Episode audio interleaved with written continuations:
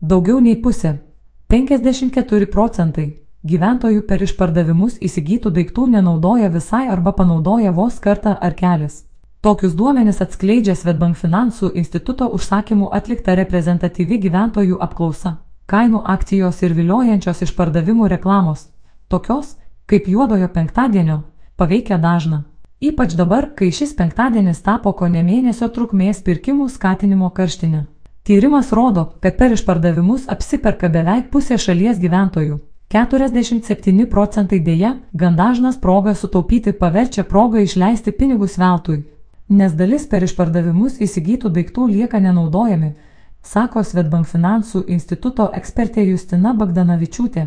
Kaip atskleidžia apklausa, 39 procentai gyventojų per išpardavimus įsigytus daiktus panaudoja vos kartą ar kelis, 15 procentų daiktų nepanaudoja visai. Daiktus visuomet panaudojantis nurodo 44 procentai respondentų. Dažniau įsigytų daiktų visiškai nepanaudojančio sako moteris 19 procentų nei vyrai 10 procentų. Tačiau tarp respondentų, kurie teigia, kad yra įsigiję vos kartą ar kelis panaudotų daiktų, šis skirtumas tarp lyčių beveik išnyksta. Tokių daiktų yra įsigiję 38 procentai vyrų ir 40 procentų moterų daugėja perkančių spontaniškai. Kaip rodo tyrimas, šįmet, palyginti su 2022 metais, per išpardavimus perkančių spontaniškai gyventojų skaičius suktelėjo 4 procentai punktais ir sudaro 20 procentų panašia dalimi 3 procentai punktais mažėjo teigiančių, kad suplanuoja bent dalį pirkinių 20 procentų. Taigi, panašu, kad slopstant infliacijai gyventojai labiau atsipalaiduoja, mažėja jų nerimas o tai atsispindi jų finansinėje elgsenoje apsiperkant. Komentuoja J. Bagdanavičiūtė. Tik 7 procentai apklaustųjų nurodo, kad suplanuoja visus išpardavimų ir akcijų pirkinius. Tuo metu 47 procentai respondentų nurodo per išpardavimus apskritai neperkantis ir daiktus įsigijantis tada, kai jų reikia. Tiesa, tokių gyventojų kiekis šįmet šiek tiek sumažėjo. Prieš metus sakančių, kad neperka per išpardavimus dalis sudarė 51 procentas.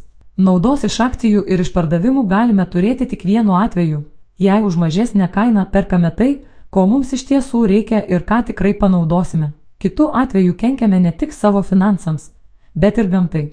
Masiniai išpardavimai lemia didesnės anglies dvideginio emisijas bei atliekų kiekį, ypač jei įsigytų daiktų pakuočių tinkamai nerušiuojame.